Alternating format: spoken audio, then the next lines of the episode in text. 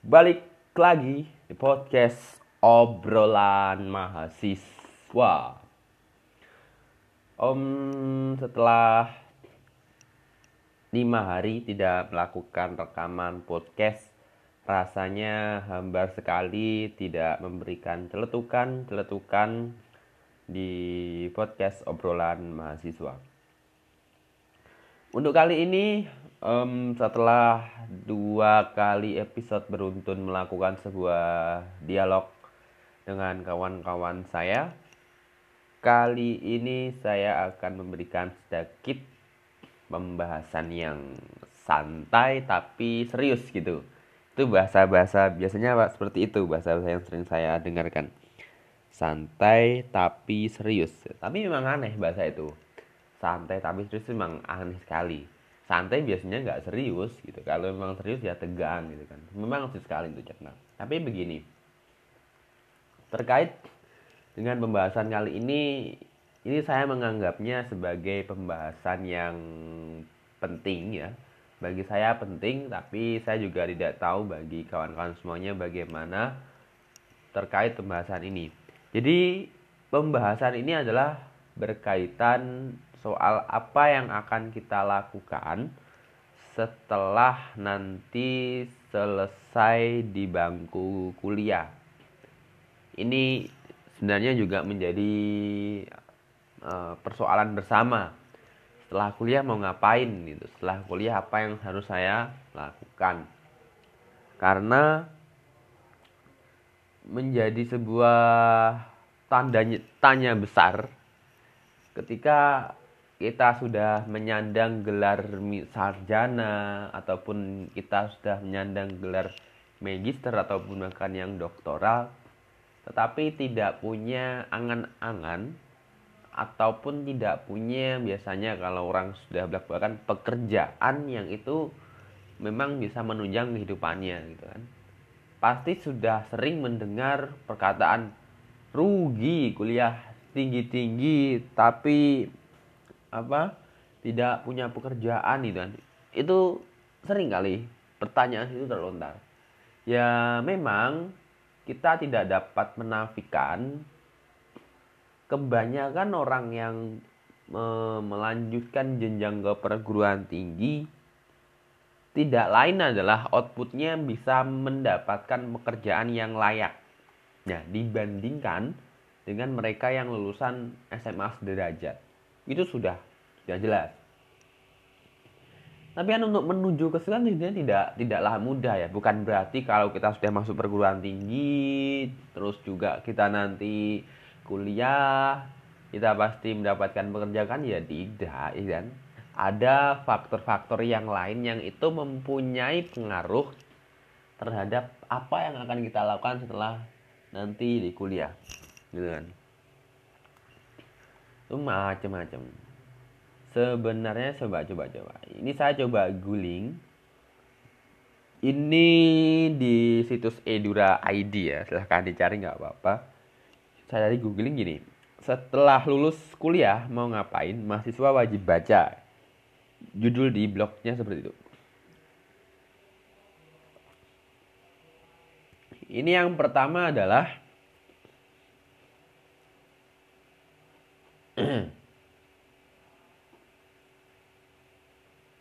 bisa mengikuti kursus atau pelatihan.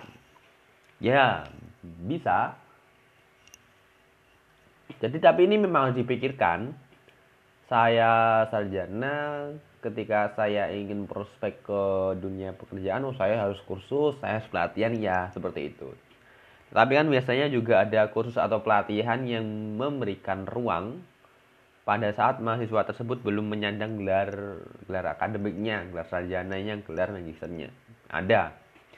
Tapi ya kalau saya pribadi lebih cocok yang sebelum sarjana karena e, bagaimanapun sarjana itu seharusnya sudah matang ya, sudah matang, sudah siap sehingga pada saat ditempatkan di lapangan ya tinggal eksekusi, bukan ada pelatihan ataupun kursus lagi. Tuh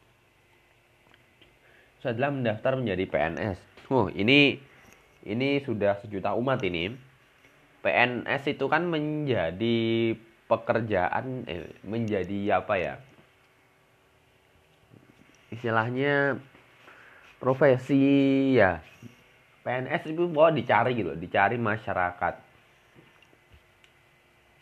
karena ya hidup dijamin ya pokoknya kesejahteraan terjamin makanya orang berlomba-lomba untuk menjadi seorang PNS ya penak gitu loh.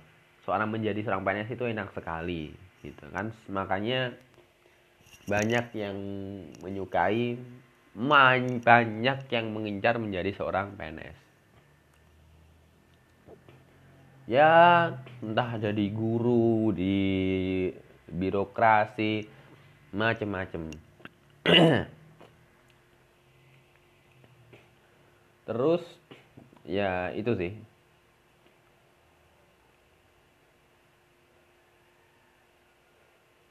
Um,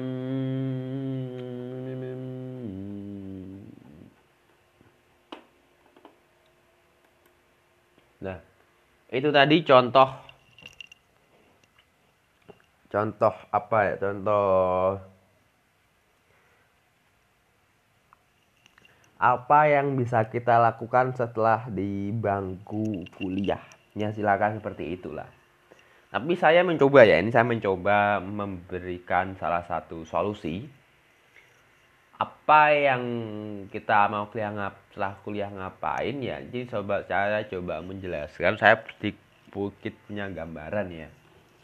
Yang itu bisa mempengaruhi uh, apa yang kita lakukan setelah kuliah nanti itu oke yang pertama yakni gini. Apa yang kita lakukan setelah kuliah nanti tidak lepas dari privilege yang kita miliki. Ya, privilege hak istimewa yang kita miliki misalnya kita anak pengusaha kita apa anak seorang guru kita anak seorang pejabat dan lain-lain. Pokoknya ini menyangkut soal privilege yang orang lain tidak mengetahui tidak memiliki itu juga mempunyai pengaruh terhadap apa yang kita lakukan setelah kuliah nanti ya. Misalnya kita seorang anak guru guru kita apa bapak ibu kita mengajar di sebuah sekolahan lah kita ingin masuk ke situ misalnya ke sekolah tersebut ya biasanya faktor orang tua kita juga punya pengaruh ini anak saya tolong dimasukkan ini gampang Begitu juga privilege-privilege yang lain. Oh, misal anak-anak pengusaha ya sudah, biasanya anaknya langsung diarahkan menjadi seorang entrepreneur. Gitu. Itu juga punya pengaruh, tetapi ya kan, ini terlepas dari faktor-faktor yang berbau privilege. Ini ada salah satu solusi sebenarnya yang bisa memberikan gambaran setelah kuliah kita mau seperti apa gitu kan. Dan sebenarnya itu bukan melulu soal oh setelah kuliah harus bekerja itu tidak. Banyak pilihan gitu kan. Ada kursus dan lain-lain dari yang sudah dijelas, sudah disebutkan di depan.